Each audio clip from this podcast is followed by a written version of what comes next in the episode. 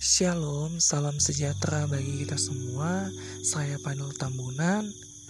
Pada podcast ini saya akan menyampaikan sedikit materi untuk melengkapi jawaban kelompok satu tentang kemiskinan dan kejahatan atas pertanyaan dari saudari Lutfia, saudari Winaura, dan saudari Debi berdasarkan artikel yang saya baca yang ditulis oleh Yayuk Sugiyarti yang berjudul Kemiskinan sebagai salah satu penyebab timbulnya tindak kejahatan.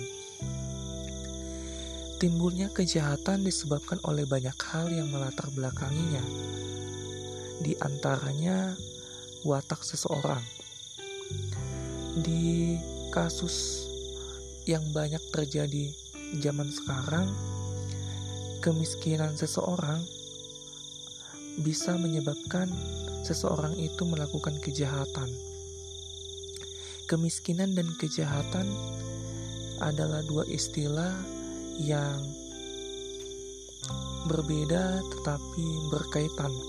Kemiskinan mempunyai arti tidak berharta benda, serba kekurangan, eh, kemelaratan, kelaparan, istilah kejahatan mempunyai arti perbuatan yang bertentangan dengan keadilan.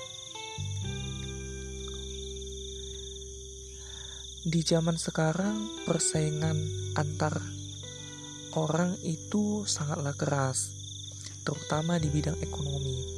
Persaingan itu yang membuat banyak usaha yang dilakukan orang untuk bisa menang dengan menghalalkan segala cara. Misalnya, orang ingin jadi kaya, bisa punya banyak harta.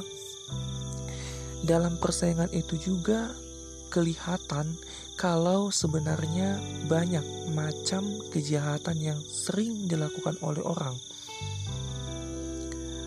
Tidak hanya berasal dari pengangguran, tapi banyak hal yang lain.